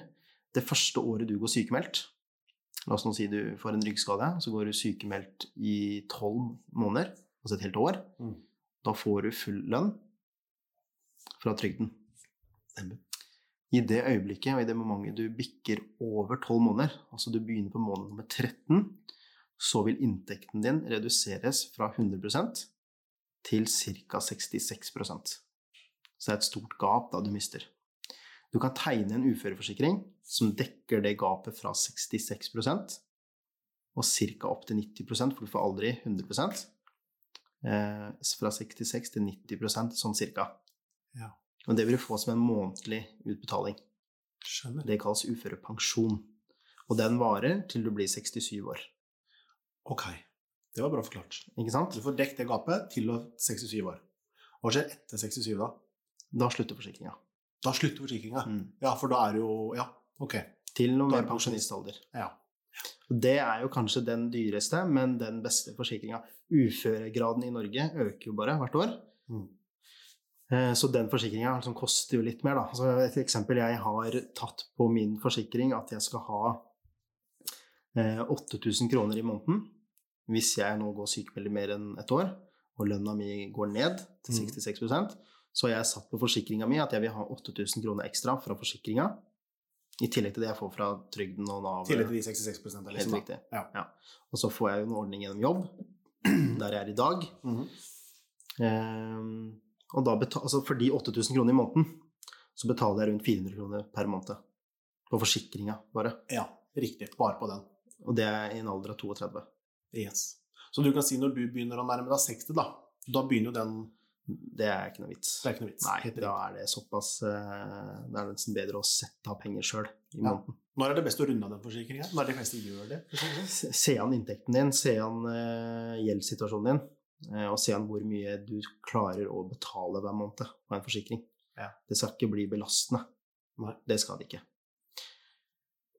Så har du det som kalles for sykdom, altså enten kritisk altså det ringer du noen som heter kritisk sykdom, ringer du andre som heter alvorlig sykdom. Da er det en liste med sykdommer, f.eks. MS, kreft, hjernesvulst osv. nedover. Eh, Der setter du en sum, f.eks. 500 000. Hvis du nå i morgen får eh, en diagnose MS, fra du får den, så tar det 30 dager fra du har fått den diagnosen, til du får 30 dager, liksom? ja, du må, eh, Klausulen her er at du må være i live i 30 dager. Ja. ja. Så får du utbetalt de 500 000. Ja. Til f.eks. hva enn du vil. Fælt å si, da, men si jeg får kreft i morgen. Jeg Mm. har ikke da, jeg får det i morgen. Mm. Det går 30 dager. Mm. Da får jeg de pengene, og så kan jeg dø fire dager etterpå. Mm. Da blir de pengene arv. på en Mm. måte, Mm. til videre. En sånn forsikring er veldig lurt. eh, For Og det er liksom for å kickstarte hvis man først er ute. Det er det som er tanken. da. At det ok, går det gærent og du får en sykdom, så har du hvert fall har, har du litt å gå på. Ja, ja, eksempel det. Eller hvis du må til behandling i utlandet. Koster jo sinnssykt mye. Ja. Hvis du må tilrettelegge boligen. Hvis du må kjøpe en eh, bil som er tilrettelagt. Det er derfor vi har det her. De hadde ikke jeg tenkt på det hele tatt. Nei, nei, og det her er ikke ting man egentlig skal tenke på i det daglige. Nei. Men det her er forsikringer som er så, altså ordet livsviktige. Mm. eh, som man kanskje ikke tenker på. Man tenker bare det hassle, det er dyrt, og det er hva er vitsen jeg kom. Den, den, den replikken jeg hører mest, det er blant unge som, eh, som jeg har finansiert bolig til og kjøpt bolig til og flytta inn og alt sånt nå. Nei, jeg har ikke tenkt til å bli ufør, jeg. Det er noe Og da er det litt sånn Nei, jeg skjønner jo det, mister. det, tenk, det Ingen av oss som har tenkt å bli uføre. Men eh, Det er ikke mange som har det i kalenderen, altså. nei, Nei. ikke sant? 19. oktober 2024, da Ja. Men, men eh, det er altså eh, Fordi forsikring er så viktig. Altså, du tegner full kasko på bilen din, du tegner toppdekning på huset ditt, på bikkja di. Mm. Men, men deg sjøl, det er liksom så viktig. Mm. Eh, har, altså, jeg har begynt med sånn ny greie nå. Det er, eh, jeg, altså, jeg setter opp et forslag til mine kunder. Mm. Jeg driver jo primært med, med boliglån eh, i bank. Men, men eh, når jeg kommer til da stykket at jeg skal si til kunden Hei, Kristoffer, da har jeg ordna boliglånet ditt. Nå syns jeg vi skal se litt på helseforsikringer. Eh, dette er mitt forslag til deg, basert på at jeg, dette er din inntekt, og dette er gjelda di, osv. Eh, se over hva eh, jeg har satt opp, og så sier du fra til meg hva du tør å ta vekk. Ja. Da blir da blir det sånn Tør å ta vekk? Nei, altså, altså jeg skal, jeg, Mitt ønske er ikke at du skal være overforsikra. På ingen måte. Nei, for, det, for det, sant, den der er vanskelig. Hvor, hvor fra å være en god rådgiver til å Si det hadde skjedd i morgen, da. Jeg skal klare å sove nettene. Eh, og for meg som er en rådgiver, så er det veldig viktig at jeg har anbefalt hvert fall det jeg bare minimum syns du burde ha. Mm. Om du syns at nei, dette var for lite, her kan du skru opp livsforsikringa fra to millioner til i hvert fall tre millioner, Mm. så er det din sak. Men jeg anbefaler i hvert fall at du halverer gjelda til samboeren hvis du ryker.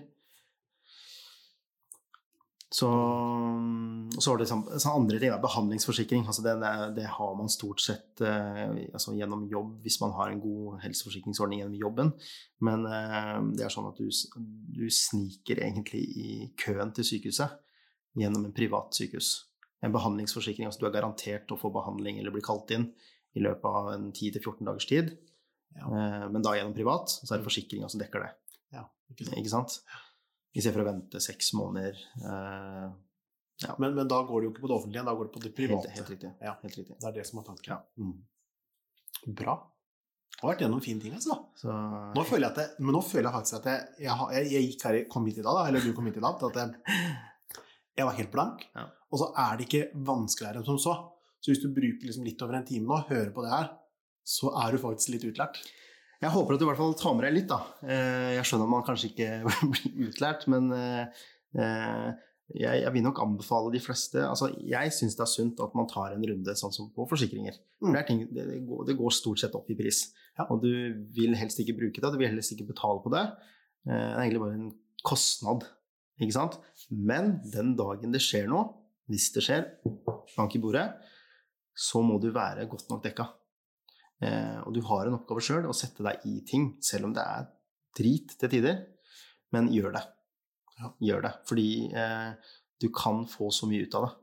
Du leser nok artikler i VG og Dagbladet, Nettavisen, TV 2, PD, Thea, Varden om folk som Familie på fire hadde ikke tegnet innboforsikring, mistet alt i brann. Og det kosta de 1500 kroner. Ja. Eh, og jeg som jobber i bank, eh, har dessverre sett nok av eksempler på folk som tror de har forsikra boligen, eh, osv.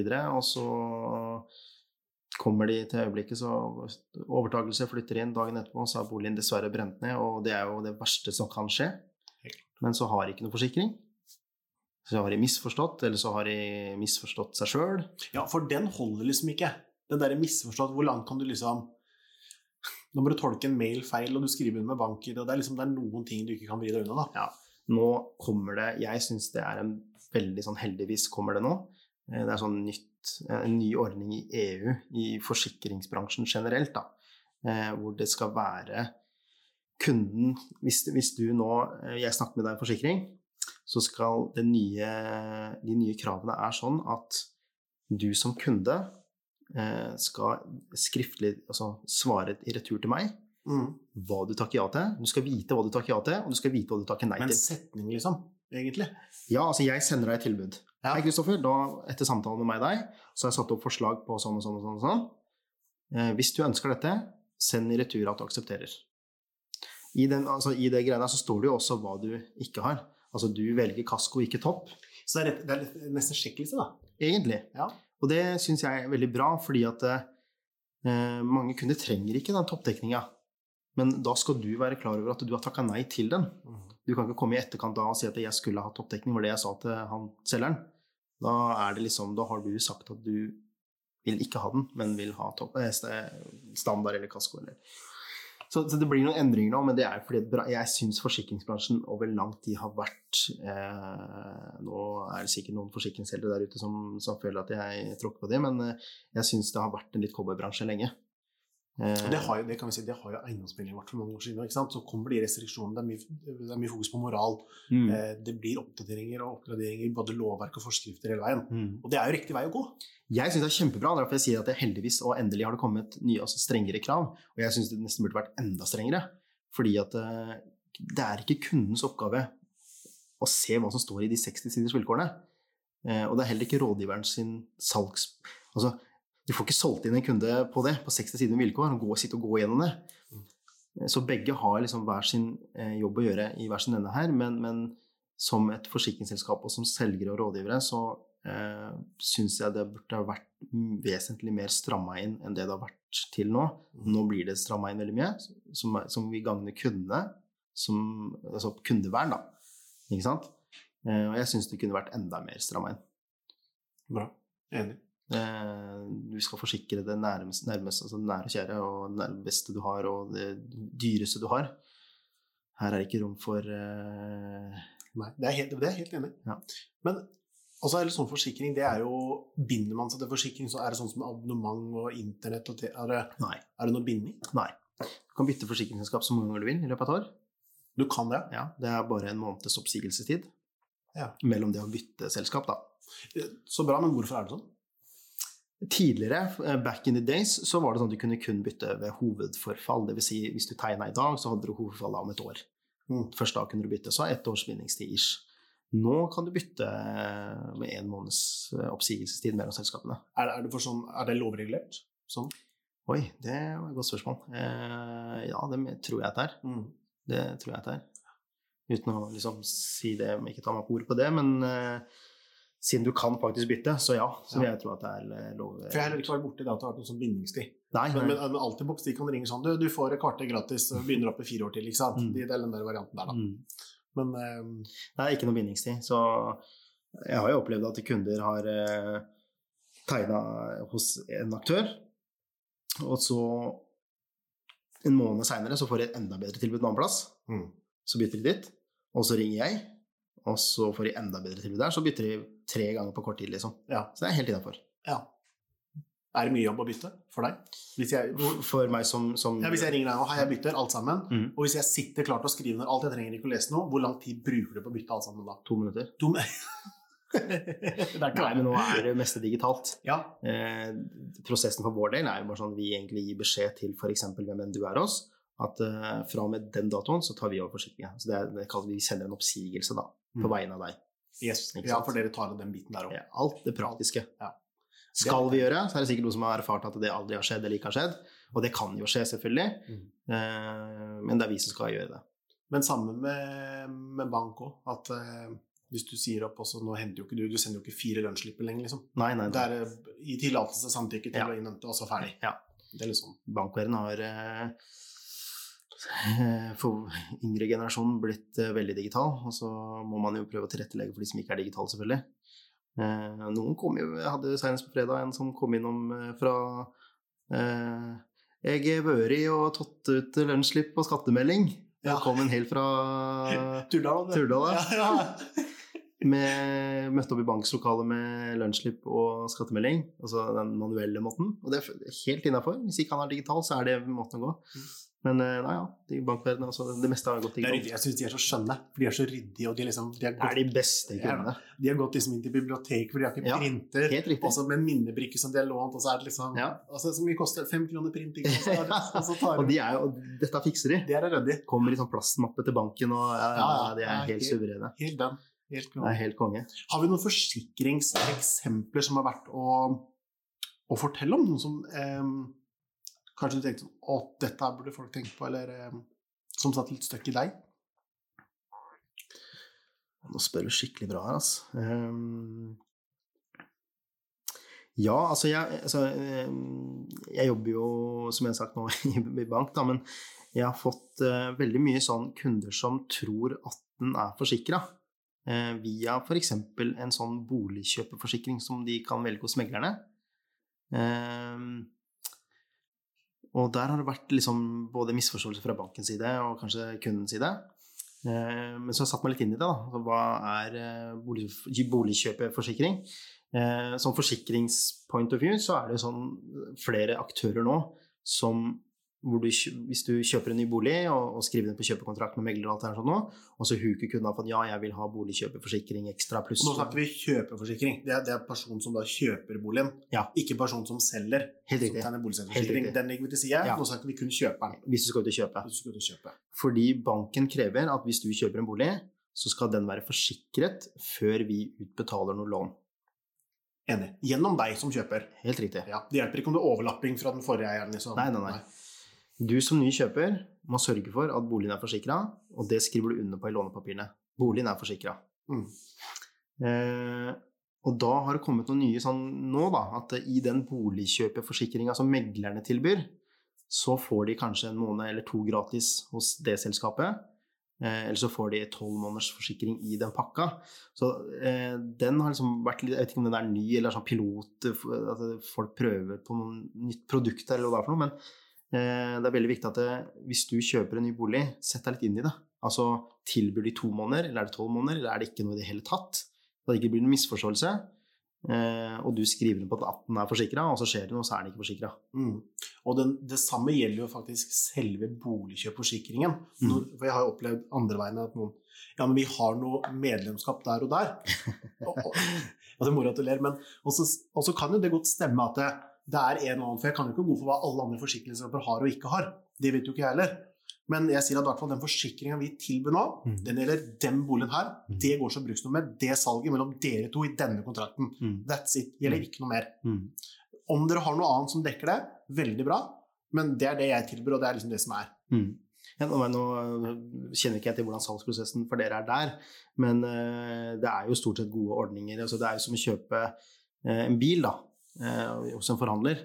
Så har jo som regel en forhandleren du kjøper bil hos, en, en avtale på en billig forsikring på bilen din. Eh, et år eller to eller sånt noe. ikke sant? Mm. Tilsvarende er det jo, ser det ut som eh, på den pakka her. Men eh, der har det vært liksom litt misforståelse, hvor kanskje banken tror at ja, men da er det i orden, eller kunden tror at da har jeg det, men så har den det ikke. Så der har det vært litt sånn eh, Ja, for det, der, eh, Hvis vi hopper litt inn i det, da. Mm. Boligkjøpforsikring. Én ting er jo den For det første så er boligkjøperforsikring mm, en forsikring du tegner. mm, Eh, hvis det skulle skjedd noe med boligen, så dekker ikke den skaden. Det er en rettshjelpforsikring. Det er liksom den største greia. Så selgeren, vi kaller selgeren for Knut. Knut selger deg en bolig til Kari. Kari tegner boligkjøpforsikring, og det er store vannskader i boligen. Knut visste ikke om det. Hans, Knut sitt forsikringsselskap betaler for skaden, men Kari sitt forsikringsselskap betaler for advokatutgifter eh, og saksomkostninger fram til rettskraftig dom. Det er, det, det er liksom store forskjellen på boligselger og kjøper. Boligkjøpforsikring har ingenting med skaden å gjøre, kun rettshjelp. Boligselger, den skal dekke all forsikringa. mm, Og det her, tror jeg liksom, her, og så er det jo litt mer på den boligkjøpforsikringen, for der har de pakka inn noen eh, produkter. da. mm. Litt sånn mersalg. Ja. Det er jo det de har gjort. Ja, og det er den jeg refererer til. Ja, helt riktig. Eh, At man er klar over må være klar over om de har pakka inn noe ekstra greier her, eller ikke. Hvis den ikke er noe pakka inn med noe andre så er det jo den du refererer til. Den mellom selger og kjøper. Mm. Det jeg er interessert i, det er jo om boligen er, om den er forsikra. Huset, skallet, bygget. Ja. Pantet til banken. Vanlig husforsikring. Helt riktig. Helt riktig. Mm. For der er det veldig mange som misforstår. Eh, For når jeg liksom Ja, ok, men nå skal jeg føre opp hvilket selskap som eh, du har forsikra deg i, da, før jeg kan utbetale lånet ditt til da. Eh, Nei, Må men da, det må da policenummer og sånn òg, da. Nei da. Nei. Eh, det burde jo kanskje vært så strengt, men eh, når du sier et selskap til meg, så fører jeg bare det opp. Ja. Ikke sant? Eh, For det må vi ha når vi selger. Må ha Ja. Mhm. Dere må det? Ja. Ok. Vi må ha policenummeret på som du har forsikra i. Ja, det syns jeg, burde, det synes jeg er helt naturlig. Standard det burde vi i bankbransjen hatt òg. Eh, men eksempelvis er jo hvis jeg da eh, skal f.eks. selge deg inn en bolig, eh, husforsikring da, Mhm. før jeg utbetaler lånet mitt, så sier du som kunde nei, det har jeg ordna med gjennom megler. Så sier jeg ok. Så tips om meg da, da vil jeg i hvert fall dobbeltsjekke det. Ja, Det er ikke alltid Nei, og det er, liksom, det er der jeg har satt meg inn i sånne forskjellige kontrakter nå, da. Kjøpekontrakter på ny kjøp av bolig. Så sier jeg noen tilbyr det faktisk, gjennom en eller annen forsikringsselskap. Eh, Hvor mange tilbyr det, tror du? som jeg har vært borti sånn nå, så er det kanskje en to-tre, kanskje maks. Det virker veldig nytt. To-tre av hvor mange Ja, si det er eh, 50-salg, 100-salg? Å ja, vi snakker antall salg. Antall? Nei, eller antall, jeg vet ikke om Ja, jeg, tenker, jeg, jeg mener 3%? eh, Jeg tenkte at, eh, at eh, av leverandørene så er det kanskje ja, ja, to-tre to- to-tre sånn, leverandører som har begynt med det. Unnskyld. Og pakke inn i den derre eh, For du jobber i Privatmegleren, Mm. og dere har sikkert en avtale med Giften har vi nå. If, ikke sant? Mm. Eh, så det er sånn, når kunden din da huker av for at ja, jeg vil ha boligkjøpforsikring, så sender du det sikkert inn til en annen, og så tar han i forsikringsselskapet da kontakt med kunden og ordner det. Så jeg vet ikke hvordan prosessen funker, men jeg tror det er sånn veldig sånn pilot, eh, sånn beta-versjon nå, da. De tester det ut. Ja. Eh, Men det har vært litt sånn misforståelser mellom kunden, bank og forsikring og litt sånne ting. Og så er det mye switching. Sånn Ja, ja, det er det? Det er veldig mye som skjer fra dag til dag, og avtaler og oppkjøp. ikke sant? Ja. Den kjøper opp de, og de kutter sammen den. Og, så. og, og det er vanskelig å følge med på. Det er det. blir jo oppdatert standardmaler hele tida, da, som Mm. ligger ved. Ja. Det, så må jo Så det, det har vært litt sånn, der, litt sånn uh, rotete nå, men uh, det føler jeg liksom altså Det har vi som rådgivere en plikt da, til å på en måte finne ut og sjekke opp. Men det er altfor mange av kundene som tror at det er i orden, eller de har det gjennom jobb, eller de har det gjennom organisasjon, bla, bla, bla, bla. Mm. og så er det ingenting. Jeg kan ta en, en eh, eksempel som boligkjøperforsikring og, og selger òg har kommet godt til, til nytte. Eh, la meg si det sånn, hvis du har en bolig, så kommer takstmannen alltid til å finne noe feil. Ja. Så eh, om de finner noe uansett, Ja, ja. og de finner noe å pirke på. Så det var noen som kjøpte bolig. Eh, ikke gjennom meg, men jeg vet hvem de er, og det trenger du ikke å liksom, fortelle om de, men eh, de finner ut at det er feil. Gulvet er feil lagt. Det hadde du aldri merka. Snøfangerne på taket, det skulle vært, for det var krav til det, den byggtekken, ikke sant. Eh, og så var det noe med terskler, og det var noe med trappefri adkomst. Eh, og så var det noe bommer i flis. Det var sånn små, Du hadde ikke sett det, liksom. Du hadde aldri som privatperson klart overhodet å sette, med mindre du var en erfaren takstmann. Jeg hadde gått rett forbi. Jeg ser ikke på snøfangere på taket. Jeg vet ikke om jeg har det sjøl. Har ikke peiling. Og, og det her er jo da, da er det liksom, Hvis du summerer opp alle de småtinga, da eh, Og så var det litt sånn feil Det var ikke feil maling, men det var et eller annet feil belegg noe sted. Altså, det, er liksom, det er 10 000 der, 17 der, 19 der, 44 der, 118 Da er du på 266. Ikke sant? Det, det, baller seg fort på det. Mm. Så ikke la være å tegne en boligselgerforsikring, og, og for kjøperen sin del òg, da. Jeg hadde en eh, Jeg kjenner to stykker som har fått tilbake fra samme person. Eh, og huset ser så bra ut. Strøkent. Det er så fint. Det er så helt nydelig. Mm. Du får bare sånn wow-følelse når du ser det i bygga. Og så er alt feil fra grunnen. Ja, ikke sant. Og takstmannen hadde sett det her etter ti minutter. Mm. Vanlig privatperson hadde ikke tenkt på det i hele tatt, for Nei. du kan ikke forskriften i huet. Nei. Du går ikke rundt i gata bare ja, den takstforskriften, paragraf 4, to andre setning, til. Du husker ikke. Nei, nei, nei. Du kan det ikke. Og, og jeg hadde jo aldri turt å eh, Først når jeg kjøpte bolig her, da, så sjekka jeg jo grunnboka. og noe. Mm. Der var det faktisk noe å tenke på. Ja. Så, så boligen i seg sjøl kunne bare brent ned. Du må Mm. fremdeles du må inn i grunnboka, og det ser du ikke ved å kikke på utsida av boligen. Nei, nei, nei. Grunnboka det er alltid ting sånn. Og så tenkte jeg boligen er jo gammel, så det er liksom alle forventninger deretter. Og takstmannen sa den var akkurat. Det er TG3 der, TG2 der, TG1 der, TG4 Altså ikke TG4, da, men det burde kanskje vært noe selv. Men det var akkurat som forventa. Mm. Men ikke dropp Borettslag hører jeg ofte da. Ja, har vi brukt for en boligkjøpforsikring? Jeg hadde nok ikke tegna det sjøl, men da koster det 4000 å forsikre. Sånn 4000-5000 koster en Mm. boligkjøpforsikring i borettslag. Ja. På en enebolig så koster det 20, kanskje. 25. Ja, så, så selv om det er mindre sjanse for feil, ja, men det er derfor det koster en fjerdedel. Ja.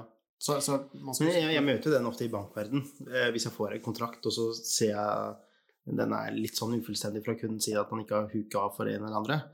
Og, de spør meg eh, ja, burde jeg ha boligkjøpforsikring. Eh, og jeg kan jo kun snakke for meg selv, og, jeg sier selvfølgelig burde det. Mhm. Eh, det anbefaler jeg. Det er, jeg ville gjort det sjøl. det er liksom som du sier i forhold til rettshjelp og sånne biten. Du veit jo aldri hva du tar over før du ikke sant? Og den her er vanskelig, for jeg har sagt nei noen ganger. Jeg husker jeg solgte en bolig, jeg syntes den var så fin. Ja. De virka så ryddig. Ja. Og så sier jeg her, her hadde ikke jeg Nå snakker jeg for meg sjøl, sier jeg. Ja. Hadde jeg kjøpt det, og ut av det jeg vet, så hadde jeg ikke tegna. Men det er fordi jeg kjenner takstmannen. Jeg vet å rydde i folka jeg kjenner fra før. Det er liksom, og, det var jo, og det var helt greit. Men ikke bli sur på meg om det skjer noe i morgen. For sjansen er der. Ja, Men det skjedde aldri nå, og Nei. de var fornøyde, og de tegna jo ikke. Så, så du kan jo være begge veier. ja Så men skal vi oss være si du har dratt den der, da. Og så finner de, og så kommer en eller annen dritting da, som dukker opp.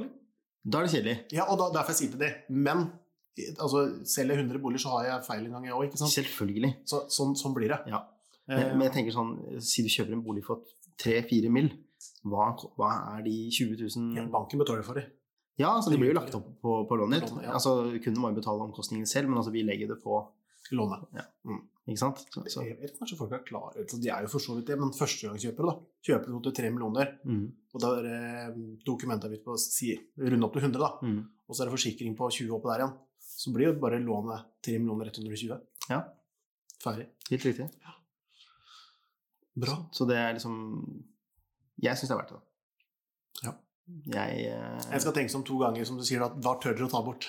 Ja, men altså, det, den er faktisk veldig fin. Og det er ikke fordi Altså, jeg har ikke noe eh, Hadde jeg jobba som forsikringsselger kun til en provosjon, så tror jeg jeg hadde fortsatt tenkt det samme, men det er kanskje litt mer forståelig at han er kanskje litt mer på den tilbudssida, og vi kanskje pusher litt og Ikke sant? Vi blir litt speil av vår egen bransje. Altså, vi blir jo, vi sitter der og vi vet konsekvensene av det har sett. Men for, for min del som, som ikke jobber noe provosjonsbasert men kun liksom, så, for min del spiller det ikke noen rolle om du tar den eller om du tar A eller B. For jeg driter jo egentlig i det. Du skal sove i samme seng uansett, du. Så lenge jeg har tilbudt deg på en måte det jeg anbefaler deg, dette er bare minimum, dette anbefaler jeg deg. Hvis du har lyst til å ha noe mer, så jeg selvfølgelig anbefaler deg det òg, men dette er bare minimum. Men hva av dette tør du å ta vekk? Mhm. Er helt fint. Ja, jeg, jeg Den den er fin. Og jeg har jo ikke, som, jeg har ikke livsforsikring eller noe, så hadde jeg stryket, men så hadde jeg sittet der sjøl. det kommer et forslag til deg på mail kvart over åtte i morgen. Gleder meg. Sobin, tusen takk for praten. I like måte. I like måte. Var ikke den bra?